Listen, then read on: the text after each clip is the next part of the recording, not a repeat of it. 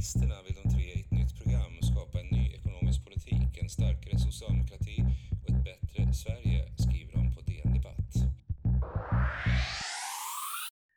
Det är det 38 avsnittet av Reformistpodden och vi har återigen finbesök i poddstudion. Inte bara av dig Sara. Nej, men Nej. ni är trötta på det. Exakt, vi är här som vanligt. Linn och Sara. Men ännu en eh, gäst. Vi hade ju en tungviktare här förra veckan Mm. som hette Jytte Guteland. Mm. Och nu har vi med oss en, jag vill säga lite tyngre Ja, tungviktare. Det kan man nog säga. Inte bara för att han är minister faktiskt, utan, eller för att han är ordförande för Stockholms partidistrikt. Utan framförallt Jag såklart vet vad du tänker säga nu. för att han är djurgårdare. Välkommen till Reformistpodden, Tack så Anders mycket. Ygeman. Läget? Det är bra. Tvåa i allsvenskan, finns väl tre poäng upp där. Vi är väldigt jämnt i valet. Um, tror det kommer bli nervöst hela vägen in. Vad är du mest nervös över? Häcken eller eh, Jimmy slash Ulf? Häcken är jag inte så nervös över. Jag är mest nervös över att, att vi ska falla på någon tiondel där på söndagen. Och att eh, vi får Ulf som statsminister stödd av Jimmy eller Jimmy stöd, som statsminister stödd av Ulf. Mm. Mm. Vi ska prata lite mer om det och vad det skulle kunna innebära. Eh, men såklart när vi har dig här så är det ju för att prata på ett av de prioriterade temana inför valet som är eh, att bryta segregationen. Eh, och vi tänkte starta i ett lite uppmärksammat uttalande som du gjorde för ett par veckor sedan i en DN-intervju när du hade varit i Danmark på någon slags studiebesök och eh, pratade om att hämta inspiration från deras politik med eh, att styra eh, politiken kring socialt utsatta områden också på en etnisk dimension eller någon typ av etnisk kvot. Det uppstod massa diskussion kring det. Vi tänkte att du skulle få chansen här med oss nu eh, att förklara vad menar du egentligen? Ja, för det första ska man väl säga att jag uttalade mig det emot att man skulle ha etnicitet som kriterium. Det är lätt att glömma det när man, när man läser rubrikerna, men, men så står det faktiskt i artikeln och så sa jag. Eh, däremot så sa jag att det finns en etnisk dimension av segregationen. Nämligen att äh, segregationen är ju klassmässig. Den har äh, ett antal ansikten i, i form av utbildningsbakgrund och, och annat. Men den har också en etnisk dimension. Och om man inte ser det så riskerar man också att ta och, och vidta fel åtgärder för att bryta segregationen. Jag kan ta två exempel för det. Det första är, är långtidsarbetslösheten. Vi har två tredjedelar av de långtidsarbetslösa i Sverige som har utomeuropeisk bakgrund. Det kan bero på många saker. Det kan bero på att man har för dålig svenskutbildning. Det kan bero på att man diskrimineras på arbetsmarknaden eller av andra skäl inte får jobb. Men om man inte pratar om att två tredjedelar har utomeuropeisk bakgrund, då riskerar man ju helt missa saker som svensk utbildning eller diskriminering.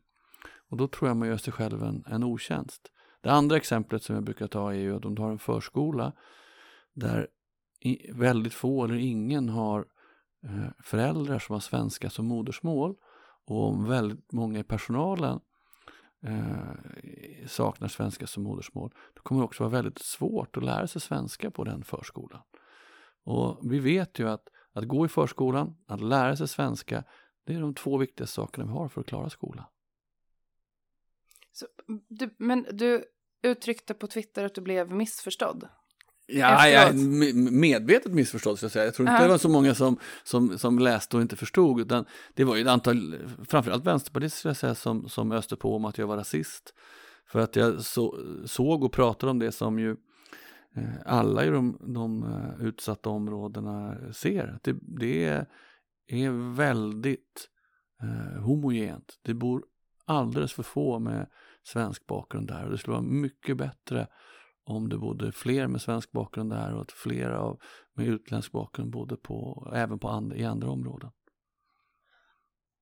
Jag, jag är inte vänsterpartist, men jag till, tillhörde ju de som blev sur eh, på dig. Men eh, faktiskt ännu mer eh, sur blev jag nog på din fanclub på, på Twitter. Eh, för att ganska snabbt så blev det ju här en diskussion som så här, eh, där folk, ja med din fanclub då kom med så olika halmgubbar om att så här, jaha, så ni är för segregation. Eh, det kändes så himla fördummande, så, så resultatet av debatten blev ju kanske inte så här att vi fick en rimligare diskussion om vad segregationen är för något. Jag vet inte om jag ska försvara mig mot någon som försvarar mig, men, men, men jag tycker nog att det fanns delar av dem som kritiserade mig eh, som därmed heller inte riktigt tog segregationen på allvar. Mm. Typexempel på det är ju eh, den vänsterpartistiska riksdagsledamoten från Göteborg, Tony Hadou, som jag mötte i Aktuellt, mm. som ju inte ville se någon listning av utsatta områden. Han var emot polisens lista, han var emot min lista, var emot alla listor. Och det är klart att om du inte vågar prata om vilka områden det är som är utsatta eller som eh, eh har sociala problem, då är det ju inte en chans i helvetet att man kommer att reda ut det och göra någonting åt det. Så, så i den meningen tycker jag nog att, att eh, det du kallar för min fanclub hade, eh, hade en poäng. Och jag, jag trodde nog när jag hade gjort den här intervjun att vi hade kommit lite längre i vårt samtal. För jag, och det, jag tycker det blir så talande, nu, jag kommer precis från Rinkeby nu och jag har varit i, i alla de här eh, förorterna som oftast nämns i den här diskussionen, jag tror en eller två gånger efter den här artikeln. Och det är så tydligt att det är nästan ingen där ute, om man inte kommer från Nyans eller Vänsterpartiet, som ser att det här är ett problem. Men så fort man träffar en vänsterpartist eller någon sån här nyansmänniska, då är det liksom bara high pitch. Det är, då är man liksom Satan själv och det är liksom, det tuggas fradga. Och den, som, den är liksom inte på något sätt representativ för de som, som eh, bor och växer upp i Rinkeby och tycker att det vore mycket, mycket bättre om skolan och förskolan var blandade, om de fick en bättre chans att få jobb, om det var lättare att flytta till Rinkeby för de som har eh, ordnad försörjning och flytta ifrån Rinkeby för, för de som vill det.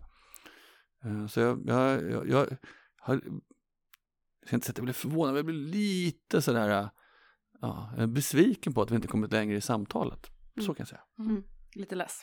Ja. Mm. mm. Men, men vad är det, för jag, jag tänker, även om jag eh, också tillhörde utan att vara vänsterpartist eller nyansare då, en av dem som blev lite sur på dig över det uttalandet, är ju, och är ju inte heller en person som gillar segregation eller förnekar den liksom, etniska dimensionen av segregationen. Men vad är, vad är då styrmedlen liksom? Eller vad är politiken? För att det är det som är risken, tänker jag, med den här typen av, oavsett om det är rubriken eller uttalandet eller att det blir liksom rött skynke för det som faktiskt är, är politiken som krävs. Mm. Om vi tar oss ifrån eh, DN-rubriken. Vi, vi kan väl börja med det, det, det, det, som väl kanske mest leder till den här debatten, nämligen att vi har fattat beslut om att slå ner EBO på partikongress och i, i regeringen. Det vill säga lagen om egen bosättning som ju gjorde att väldigt många av de nyanlända hade, hamnade i de, de socialt utsatta områdena och dessutom hamnade ganska trångbott och, och skapade problem inte bara för sig själva utan för dem de, de flyttade in på. Och vi har också tagit det som kallas för bosättningslagen. Det vill säga att istället för att några få storstadskommuner och några få glesbygdskommuner, typ Filipstad, fick ta största ansvaret för flyktingmottagandet så sprider vi nu ut det till landets alla kommuner. Och det visar sig också att när man gör det så blir det lättare att lära sig svenska, det blir lättare att komma in på, på arbetsmarknaden. Så, så det är nog steg ett. Och se till mm. att de som kommer till Sverige också hamnar i miljöer där det, där det är, är lättare att komma in i det svenska samhället. Steg två skulle jag säga är att eh, ha ett investeringsstöd för att bygga billiga hyresrätter i alla delar av våra städer. Så att du har en, en, en väl fungerande bostadsmarknad även för de som inte har eh, 100% betalningsförmåga eller som av andra skäl inte, inte har, har, har väldigt mycket pengar och kan köpa en bostadsrätt. Jag skulle vilja att vi ställde tuffare krav för att få bosätta sig i Tensta eller Rinkeby på egen betalningsförmåga och att vi kanske eh, och, och, kanske hade förtur för att komma till Rinkeby för den som har jobb eller den mm. som pluggar på universitetet. Å andra sidan då kanske vi ska vara lite tuffare mot de som sätter upp sådana krav i andra delar av staden där det inte behövs. Eh, det tror jag skulle vara, vara en viktig del. Sen tror jag att förskola. Och där går vi fram med, med lite vallöften om att vi ska obligatoriskt skriva in barnen i förskolan. För vi vet ju att de som kommer in i förskolan, de som lär sig svenska, de har otroligt mycket lättare att klara skolan. Så vill vi undvika liksom undervisningsmisslyckanden i högstadiet och folk som inte får gymnasiebehörighet, då är det bästa vi kan göra är att skriva in dem i förskolan och se till att det finns förskolepersonal som pratar svenska. Så vi inte har liksom hela förskolor som har eh, samma språkgrupp och som där, där då inte pratar svenska och får öva på svenska. Eh, jag tror på förebyggande mödravård eh, där vi Mm. kan möta familjerna i liksom ett formativt skede när man har fått veta att man ska ha barn. För det är väldigt mycket mindre stigmatiserande att sätta in stödet där än vad det är senare i livet när det har gått snett för någon unge eller någon har fått problem eller oavsett om det är psykisk sjukdom eller NPD eller om det är droger. Ju tidigare vi kan identifiera sådana problem och, och göra någonting åt det desto bättre. Eh, jag tror på ett statligt fastighetsbolag som kan både köpa och förvalta bostäder och, och centrum men också bygga nytt. Mm. En, en statlig allmännytta som kan se till att även i de delar av Sverige där allmännyttan kanske fallerar att vi faktiskt kan upprätthålla en, en bra allmännytta. Jag tror på väsentligt större resurser till en meningsfull fritid. Mm. För det är ju så att vi, vi har ju ganska stor trångboddhet i de här områdena vi har vissa familjer som har väldigt många barn. Och vi kommer inte kunna lösa det med att bygga 12-rumslägenheter eller 7-rumslägenheter för dem. Så de kommer att ha, bo trångbott under ett tag. Men då är det extra viktigt att de allmänna ytorna på de här ställena, att det finns ställen man kan vara, där det finns personal och vuxna. Mm. Så att du möts av en meningsfull fritid, du kan ha någonstans att läsa läxorna, du har någonstans att få stöd. Så du inte liksom driver runt på byn och inspireras av, av äldre med kanske kriminell bakgrund. Nu nämner ju du en, en rad olika saker som både handlar om då hur vi ska kunna bo mer blandat men också eh, hur det offentliga åtagandet ska kunna bli, bli bättre för att utjämna liksom skillnader. Eh, men det, för det som det har snackats om det är ju så här att kommer det ske tvångsförflyttningar nu eller? Eh, och det låter inte som att det är det som, som du tycker att vi ska göra. Men samtidigt ska vi bo mer blandat så lite brysk kommer man ju behöva vara ehm, med folk. Till exempel det som du är inne på, hur man riktar ekonomiska krav då för att få hyra lägenhet i, i en del eh, områden. Dels att, att höja kraven då för att bosätta sig i ett socialt utsatt område, sänka kraven, Mm. eh, om jag förstår det rätt, för att, för att bosätta sig i mera välbärgade, välmående eh, områden. Vad liksom, hur... eh, Det är ju lättare att prata om det första, eh, tror jag. Kanske lättare att Ehm, genomföra också. Ja, kanske Eller? lättare att genomföra också. Eh, men det finns ju liksom hela den här, Eh, det finns ju studier som visar eh, att det som man brukar prata om som white flight eh, då, eh, att, att mera välbärgade vita flyttar från områden ganska snabbt när eh, det har börjat komma eh, personer med migrantbakgrund eller från, med utomeuropeisk bakgrund eh, till ett område. Eh, och det pratar vi ju inte så mycket om för att det är liksom lite svårare att ta i. Tror du att vi Tror att vi kommer komma dit, du, för du pratar om så här mognad i samtalet om integration. Liksom hur långt ifrån tror du att vi är att på riktigt kunna prata och liksom vara lite brysk också mot, eh, mot de som inte bor i Rinkeby eller Bergsjön?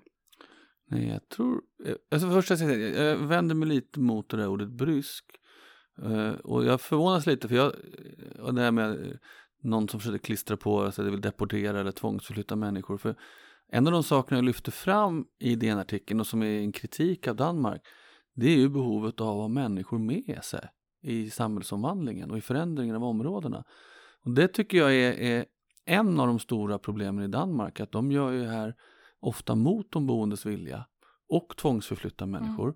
Medan som vi ser i, man river och man bygger bostadsrätter och man bygger radhus. Men om vi ser, jämför med exempelvis Gårdsten i, Göteborg, där man också river och bygger bostadsrätter och villor, så har man ju där haft eh, medborgarna i Gårdsten med sig. Man utsett till och med någon slags kvartersvärdar som har varit en del i, i omvandlingen av området. Och man har också identifierat andra problem med boendeområdets sammansättning och löst dem.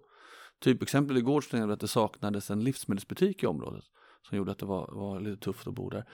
Och man hittade ingen eh, entreprenör som ville starta en livsmedelsbutik där. Så då bildade Gårdstens eh, bostäder startade livsmedelsbutiken och drev den tills det var möjligt att överlåta den till en, en privat handlare. Eh, och det där perspektivet har man liksom helt missat i Danmark. Och jag tror ju att i all samhällsomvandling så är det viktigt att, att ha människor med sig. Mm. Och därför, alltså man ska vara som bestämd och sådär och, och tuff mot segregationen. Men man ska nog göra sitt absolut bästa för att få, få människor med sig i det man vill göra och i, i samhällsomvandlingen. Men- Men, men white flight eh, var vi inne på. Jag tror att det finns en black flight också. Alltså det är inte bara eh, eh, vita människor som, som drar från ett utsatt område. Det är också de som eh, med invandrarbakgrund som kan få ett jobb eller något sånt. Och det är ju ett av skälen till att man vill ha mer blandade områden. Mm. Eh, men, men visst, vi måste ju föra ett samtal om vad, vad som är integration och hur man kan integrera sig från båda hållen. Mm. Eh, och det, Men Det- tror du att det är lika lätt att få med sig Östermalmsborna i kampen mot segregationen som Järvaborna? det bor ju ganska många invandrare på Östermalm, man tror inte det, men det är bara att de kommer från andra länder. Men, Okej, men Nej, jag, jag, jag tror att det, det kan säkert bli tufft och gör man det liksom på ett, skulle man göra det på liksom ett tvångsmässigt eller abrupt sätt, Mm. då tror jag det är ganska lätt att få båda mot sig. Mm. Alltså både Rinkebyborna Ja, alla. och Ja, ja, Östermalm. alla, och, det, och det är ju ingen drömposition, utan vi får försöka göra det på ett sätt tvärtom så vi får folk med oss. Mm. För det är klart att det finns stora fördelar med integration. För att den segregation vi har idag har ju skapat ett antal sociala problem och gjort det möjligt för, för de här gängen att växa och rekrytera ungdomar. Och ska vi ha möjlighet att bryta den samhällsutvecklingen då måste vi naturligtvis strypa rekryteringen och grogrunden. Och Mm. där är ju segregationen en av de grogrunderna. Mm. Mm. Men eh, så motsatsen då, eh, integration. Eh, det är ju liksom något som har diskuterats i många år eh, på lite olika sätt. Men vad- vad, vad, tänker, vad tänker du, Anders Ygeman, om vad integration är för någonting? Är det liksom, är det en fråga om ekonomi och struktur? Eller är det det som vi allt mer att börja komma och prata om? Eh, alltså att vi har någon typ av gemensamma värderingar eller kulturfrågor liksom. Ja, det är väl båda de sakerna och en del andra saker också. Det handlar väl också om någon, att man, man eh, överbrygger socioekonomiska skillnader, kulturella skillnader och att man är öppen mot andra och lära sig av andra. Mm. Eh, sen tycker jag att det nog finns en poäng med alltså, Sverige, vi, vi ser ju alltid att Sverige är landet lagom. Men vi sticker ju ut i internationella eh, undersökningar åt rakt motsatta hållet. Vi är liksom extremt individualistiska i Sverige och extremt öppna för att människor ska bestämma över sina egna liv, hur Mm. man vill leva det. Och det, det vi sticker ut, vi och holländarna och några till sticker ut ganska dramatiskt där. Och jag kan väl ibland känna att det att vi gör det har, har ju också gjort, det, gjort oss lite eh, liksom, motsträviga mot, mot att tala om det som faktiskt också förenar oss och det som krävs för att vi ska kunna förenas, alltså vad, vad som är basen för att man också ska kunna sticka ut hejvilt. Mm. Och där tycker jag att det finns liksom saker i, i liksom jämställdhet, i öppenhet och så som vi, vi, vi kanske har slarvat lite med. Och, och om du, man vill kalla det för, för kulturella krav kan man väl göra det. Mm. Ibland blir de ju lite fyrkantiga i en politisk kontext. För det Mm. sätts mot X och sen sätts det mot Y liksom. Men jag tycker väl, eh, som, för mig är det helt självklart att i Sverige så, så är det svenska som är språket och det är nästan helt omöjligt att klara sig utan svenska här.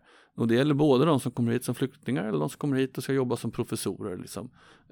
För det går ju att klara sig liksom, det går ju att, om man kan prata engelska så kan du liksom pass by, du kan liksom överleva i Sverige. Men du kommer inte vara en del av det svenska samhällslivet om du inte kan svenska. Hela den politiska debatten, hela samhällsdebatten, föräldramöten eller vad det är. Så, så jag tror att det är rimligt att ha det kravet. Att kvinnor och män ska jobba och försörja sig själva och, och behandlas som likar har vi problem med i den svenska kontexten, men vi har också problem med folk som kommer från, från andra länder till Sverige. Mm. Och den diskussionen måste vi, vi ta.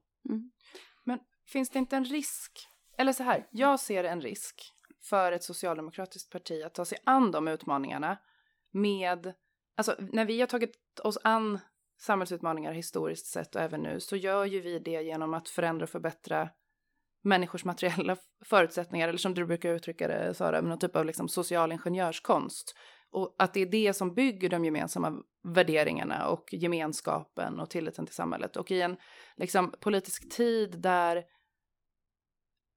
jag upplever att mer och mer handlar, alltså det blir samtal om värderingar och det blir liksom, eh, ja jag vet inte, språkkrav och samhällskontrakt och det låter ju lite olika i olika partier och sådär. Men att det, det finns en risk att vi tappar, vi kan ju inte prata oss till gemensamma värderingar om man inte driver liksom politiken. Eller förstår du vad jag menar? Att det, det, det Ja. pågår någon typ av dragkamp där mellan reformerna och eh, snack om kultur.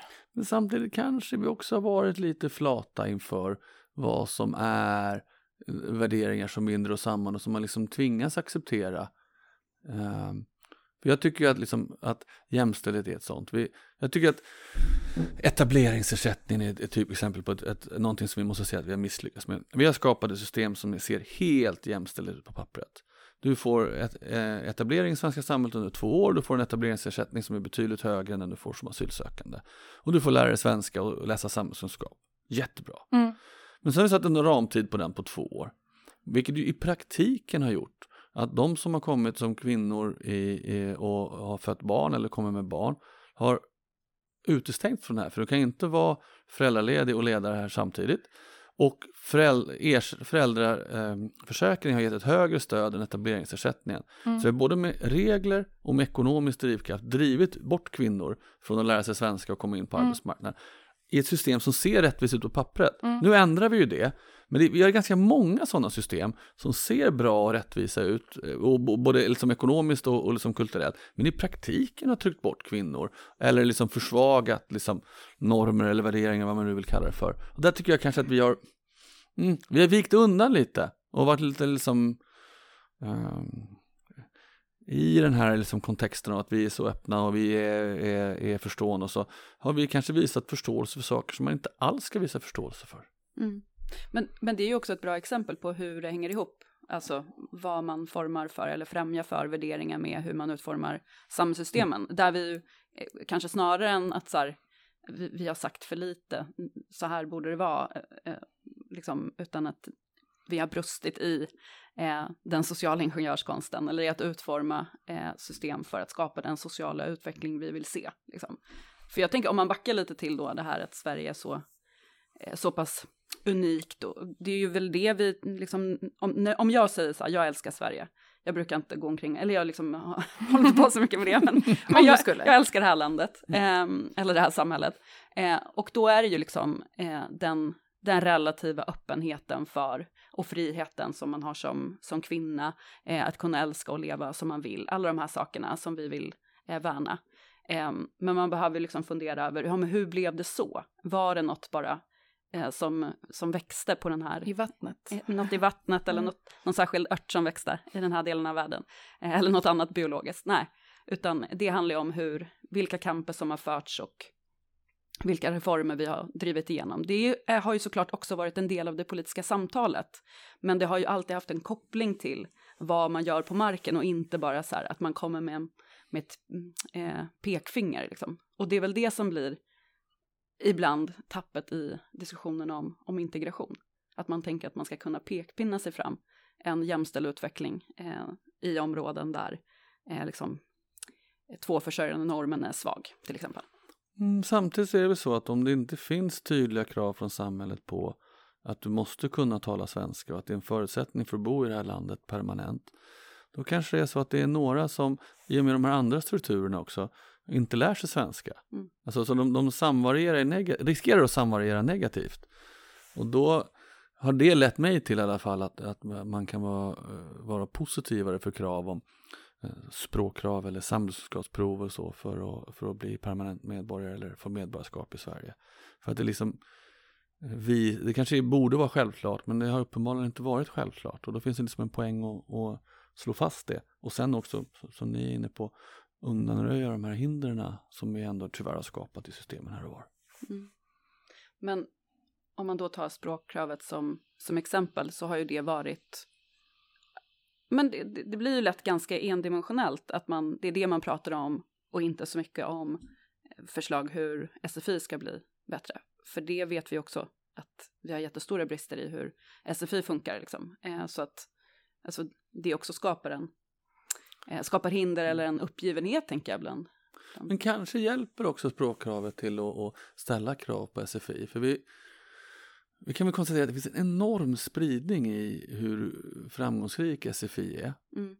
Eh, Det beror säkert på att man har olika utövare och olika duktiga. Men det beror ju också på skillnader i landet. Jag tror att att det är väldigt många färre som lär sig svenska i, i Rosengård på SFI än vad det är som är, gör i Hertsö i, i, i Luleå. Det beror ju inte på att det är, finns en klimateffekt och det är svårare att lära sig vad heter det, svenska där det är varmt och blåsigt i, i Malmö och, och, och lätt att lära sig där det liksom är, är kallt och vindstilla utan det beror ju på att de som bor i, i Luleå får öva sin svenska mycket mer. Mm. Och att de som bor i Rosengård klarar sig mycket längre på sitt modersmål. Mm. Och, Då är vi tillbaka i blandningen. också. exakt. Men Mm. kanske också att det säger någonting om Ja, men, och, och ju tydligare förväntning om man ska lära sig krav, desto tydligare kommer också kravet på samhället bli att vi klarar att ge en vettig utbildning. Mm. Så det, är ju, det ser i första hand ut som bara ett krav på individen, men det är naturligtvis också ett krav på, på samhället och kommunerna. Mm. Men du, jag måste ändå eh, följdfråga Mm. innan vi går vidare till, till eh, framåtspaningar och ekonomisk politik. Men du, ser inte, du delar inte risken som jag ser att det är me, för mycket fokus på kultur och värderingar kontra reform och struktur i dagens politiska samtal och debatt? Jag tror väl att det är dagsnotering på det. Alltså ibland så, så diskuterar man det ena, ibland diskuterar man det andra. Jag tror nog att vi kan behöva eh, båda för att komma vidare. Eh, och och de, de lever ju också i ett samspel. De går liksom inte enkelt att skilja för varandra. Den ena påverkar de andra. Mm. Eh, Det finns väl någon filosof som har ritat något schema på Mm. det där. Men det är därför jag tänker att det, det, Har du ritat ett Nej, inte jag, inte jag. En Ja, filosof. det, en filosof. det är delningsbilden för, för avsnittet. Anders schema. Över. Nej men det är därför jag tänker att det är borgarnas strategi att få det att handla om kultur och värderingar. För att de driver inte, de driver inte De liksom, är sämst. de är sämst på social ingenjörskonst. Alltså det finns ju, ett, det finns ju en, ett strategiskt intresse om man Eller är... förlåt, de är faktiskt bra på socialingenjörskonst, För- fast åt andra hållet. Exakt, Eh, inte, inte åt eh, liksom jämlikhets, det jämlikhetskonstruerande hållet. Men, men jag tänker att det finns ett politiskt intresse i att få det politiska samtalet att handla om det. För att då eh, deltar vi också i det. Och så fokuserar vi kanske för lite på kravställan mot kommunerna och kvalitet på SFI och liksom bostadssegregationen. Eller, alltså bara att vi har ett politiskt klimat där- där moderater kan föreslå eh, typ att tvångstesta femåringar för ADHD. Men det är ju ingen som föreslår att tvinga Lidingöbarn till pissprov varannan vecka. Det borde ju någon föreslå. Jag noterade Alltså- för övrigt i, i morse så intervjuades högerledaren i P3. Han kunde inte svara på om ADHD-screening var ett bra eller dåligt förslag. Så det verkar inte sådär, de verkar inte så superöverens i partiet. Nej, jag, jag vred ner volymen. En Jag, klyfta mellan Svenonius och Kristersson där. Ja, och inte minst mellan han, eh, jag vill ha Ja, fler Johan kameror som fotar mig, Forsell. Men fatt, för, förstår du inte min, eller är du, är du med på spaningen om liksom att det finns en, ett strategisk vinning om man inte gillar strukturella jämlikhetsskapande reformer från Socialdemokraterna? Att få det politiska samtalet att handla om individuellt ansvar och kultur? Absolut, men jag tror att det, det är inte liksom kulturdiskussionen som är det, det svåra eller det som behöver göras för att, för att komma undan det. Utan det svåra där är naturligtvis att, att, att i verkligheten utrota segregationen. Och det är, det, som, det är den som öppnar för att de kan föra de här samtalen. Och inte liksom det andra, så tror jag. Mhm. Jag är lite mer materialist i det avseendet. Okej, Okej, blev jag precis kallad mindre materialist än Anders Ygeman av Anders Ygeman? eh, det verkar så. Vi måste raskt Nu visar han gå bild vidare. På, på Johan Forssell. Jag vet, han tycker om att vara med på bild. Ja, han har Ja. missförstått vad kameran är till för bara. Ja. men kan man klandra honom? Han ser ut som en dressman. Ja, absolut. Reklamman. På- på det bästa Alternativ karriär, Johan Forsell. Eh, sluta med politik, bli en modell på heltid. Ja, jag tror att vi ska akta oss för honom när Ulf Kristersson får avgå efter valnatten. Jaha, du tänker så. Så, så tänker jag. Men du, Anders, ehm, nu är vi på väg in i en lågkonjunktur. Allt pekar på det. Vad, alltså, det vet vi att ökar arbetslösheten, fattigdomen, eh, så är det ju de här områdena vi pratar om, eh, de socialt utsatta, som drabbas hårdast. Eh, där människor har eh, precis etablerat sig på arbetsmarknaden eller kanske inte ens har hunnit göra det. Hur ska vi klara av att bekämpa segregationen samtidigt som vi går in i lågkonjunktur? Jag tror egentligen den, den, jag ska försöka besvara den frågan, men jag tror den värsta tiden för klyftor är när man är på väg ut ur lågkonjunkturen. historiskt sett så har i alla fall om man mäter som Gini-koefficient eh, klyftorna har den ökat som mest när ekonomin tar fart igen. Mm, när För då-. Ja, för Mm. då är de som slås ut av och inte kommer in på arbetsmarknaden, de är kvar i liksom utanförskap eller arbetslöshet. Medan de som det eh, går bra för och har kapitalinkomster drar iväg ganska snabbt. Mm. Så det är, jag tror det är den, den tiden man ska hålla absolut right. mest ögon på. Men om vi tar den första frågan, jag tror det är jobben som kommer att avgöra. För det, Mm, mm. och, och i två aspekter, dels att se till att människor kommer in på arbetsmarknaden från att vara, vara arbetslösa eller inte ens ha arbetsmarknadsförfoganden. Och dels och stärka förankringen på arbetsmarknaden för de som har en svag förankring. Vi har ju en liten, en liten märklig utveckling om man tittar på forskning från, från Malmö universitet att fattigdomen nu har ökat även bland de som har jobb. Mm. Och Mm. det tror jag är någonting att fundera. Min gissning är väl att det beror på att vi har människor i det som i- slarvigt kallas för gigekonomi, men i någon bredare bemärkelse, även inom Mm. handel, lager, Ja. sjukvård. Alltså så här, människor som bara, som inte har ett fast anställning, men som heller inte är arbetslösa och som rings in eller smsas in Mm. och därmed jobbar ganska hårt men ändå tjänar väldigt lite och har väldigt lite trygghet. Och där tror jag att vi borde fundera över politiska förslag för att, stärka deras förankring på arbetsmarknaden och putta dem från den här ganska osäkra gråzonen in i fastare och fastare anställning med Mm. bättre och bättre försörjning. Mm. Så att de också kan eh, haka på sen när ekonomin vänder. Exakt. antar jag att du också tänker. Men, men jag tänker det, alltså det finns ju mycket man kan prata om som, som rör liksom arbetsmarknadspolitik och eh, mera arbetsrättsliga frågor för att, för att stärka de ekonomiska villkoren för, eh, för människor i, på den prekära delen av arbetsmarknaden eller vad man nu ska kalla den. Eh, men så här grundläggande ändå för eh, att få ner arbetslösheten eh, är ju att, att liksom ha, eh, få upp investeringsnivån. Eh, och det är ju inte så att det saknas eh, eh, eh, områden att investera i. Det är ju saker som vi går till val på också, så här, öka klimatinvesteringarna, och, eh, liksom bygga fler bostäder och sådär. Mm. Det har ju liksom ett direkt samband såklart med ehm, utvecklingen eh, gällande arbetslösheten.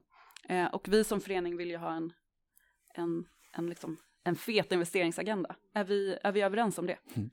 Men det är klart att ju sämre konjunkturen går, ju viktigare kommer offentliga investeringar bli för att motverka en konjunkturnedgång. Mm. Eh, Det tror jag är helt rätt att säga. Sen tror jag att vi, det behöver, vi behöver uppdatera teorin lite. För eh, Keynes och, och Wigforss är all ära. Men de gjorde ju sina tabeller och sina uträkningar någonstans. 30-talet blir det va? Och Kallar du mig gammalmodig nu? Nej, men det har ändå hänt lite sedan 30-talet. Vi har fått tv och internet och mobiltelefoner och grejer. Och framförallt har vi fått en, en helt annan rörlighet på arbetsmarknaden. Vi har gått med i EU, Mm. vilket gör ju att det är rätt stor risk att de investeringar vi gör leder till jobb, men inte minskar svensk arbetslöshet. Mm. Eh, Men väldigt många av våra byggen så är det folk från andra EU-länder som bygger dem eller från länder utanför EU. Som, det, det behöver ju inte vara fel, men det ger ju inte den här effekten i, i, i svensk konsumtion som det gjorde innan. Och också sen jämfört med 30-talet har ju rätt mycket av de här byggnationerna och så har ju, har ju, är ju maskiner nu istället för, för människor som gör. Och det gör väl att den här liksom, multiplikatoreffekten som, som de pratar om och som Palme pratar om liksom ända till Ludvig Svenssons gardinfabrik, att, Mm. att den liksom effekten har försvagats. Så vill man ha, ha de effekterna så måste man också fundera över andra saker. Jag tror vi är helt rätt nu som, som stramar åt arbetskraftsinvandringen så vi inte har arbetskraftsinvandring i, Mm. i yrken där vi inte har brist eller där det är, låg kompetens. För det, det har ju bara gjort att det är svårare för de som har svag förankring och konkurrerar på arbetsmarknaden. Men vi bör också fundera på vilka investeringar eh, som faktiskt har de här multiplikatoreffekterna och vilka som inte har det. Alltså Mm. vad, vi, och vad, vad det kan vara, vad, vara behjälpliga i att upprätthålla eller skapa nya grenar i, i det svenska näringslivet. För då har det ju så här extra effekt. Mm. Och det, det, det håller jag såklart med om. Eh, Jag vidhåller att investeringsnivån och eh, arbetslösheten hänger ihop, men det är klart att det behöver kombineras med en, en politi- politik som rustar och matchar. Eh, på riktigt då, Mm. rustar och matchar arbetskraften, In, inte bara som ett, som ett sånt eh, eh, pengsystem som Centerpartiet älskar, utan eh, som på riktigt har det. Men har, har, vi, liksom, har vi det i byrålådan eh, om, vi, om vi får en liksom, stark regering i, om ett par veckor? Det får man väl hoppas. Samtidigt ska man väl komma ihåg att, att det har varit rätt tufft för Arbetsförmedlingen under den här tiden. Eh, och det, eh, januariavtalet blev ju en enorm omställning för Arbetsförmedlingen. Och jag som reser i många kommuner ser väl att många kommuner är lite besvikna på den, den som, det samarbete man kan ha med Arbetsförmedlingen under den här omställningstiden. Och det har väl lett till att för få människor har fått arbetsmarknadsutbildning och för få människor har rustats för att, att ta de lediga jobb som finns. För vi har ju ändå, vi har ändå vi har haft en tid med uppåt 200 000 lediga jobb. Och det är klart att man, det, det finns någonting här att, att ta i. Eh, och, och ehm, så, så, det finns ganska mycket att göra för att, och, och rusta människor bättre och se till att människor blir anställningsbara och får chansen på svensk arbetsmarknad. Mm. Men, men vad är de, om, om vi peppar peppar tar i trä, får en stark socialdemokratisk ledd regering 12 september, vad är, vad är våran politiska arsenal för att förbereda oss på att kunna bekämpa segregationen trots att vi går in i en lågkonjunktur och eventuellt då ska ta oss ur den där blomstrande. Vad, mm. vad är de? Vi, vi, har ju pratat lite om, om det vi vill göra för segregationen. Jag vill lämna mm. ett ja, men Jag tänker också inte... koppla till just konjunktursfrågan. Ja. Hur påverkar den och vad behöver vi vrida upp liksom? Bara säga en sak innan dess, jag kommer till att vrida upp. Men det är ju det att vi också har sagt ett löfte. Vi har gjort jättemycket på trygghetssidan. 12 eh, miljarder till polisen, eh, skärpta straff och, och många andra saker. Igår kom vi med ett, ett polislöfte, vi ska bli 50 000 fler polisanställda. Men vi har också kommit med ett annat löfte som är otroligt viktigt, nämligen att för varje krona vi satsar på polisen för att komma upp i de här 50 000 polisanställda så ska vi satsa minst en krona på det förebyggande. På förskola, skola, fritid. Mm. Och det kommer ju ge en expansion eh, i, i framförallt de utsatta områden av, av offentlig personal. Och det är ju så, det är inte bara byggnadsarbetare eller bilarbetare som, som skapar tillväxt. Det skapas av förskolepersonal och lärare och annat som, som bereder människor för livet. Så det tror jag är en viktig del. Eh, och, och skulle jag gissa, skulle jag gissa att offentliga investeringar har i den moderna keynesianska tabellen skulle ha en mycket bättre multiplikatoreffekt än att bygga en väg eller en, en järnväg faktiskt. För att det kommer bli människor som är kvar i lokalsamhället och, och bidrar till lokalsamhället i mycket högre grad och mycket mindre av utländska insatsvaror. Mm. Okej, eh, ni vrider på er för att du ska iväg till, eh, till en intervju. Men bara, en debatt till och med. bara, en, bara en kort sista. Vägvalet, om man lyssnar på det här eh, och kanske faktiskt inte har bestämt sig.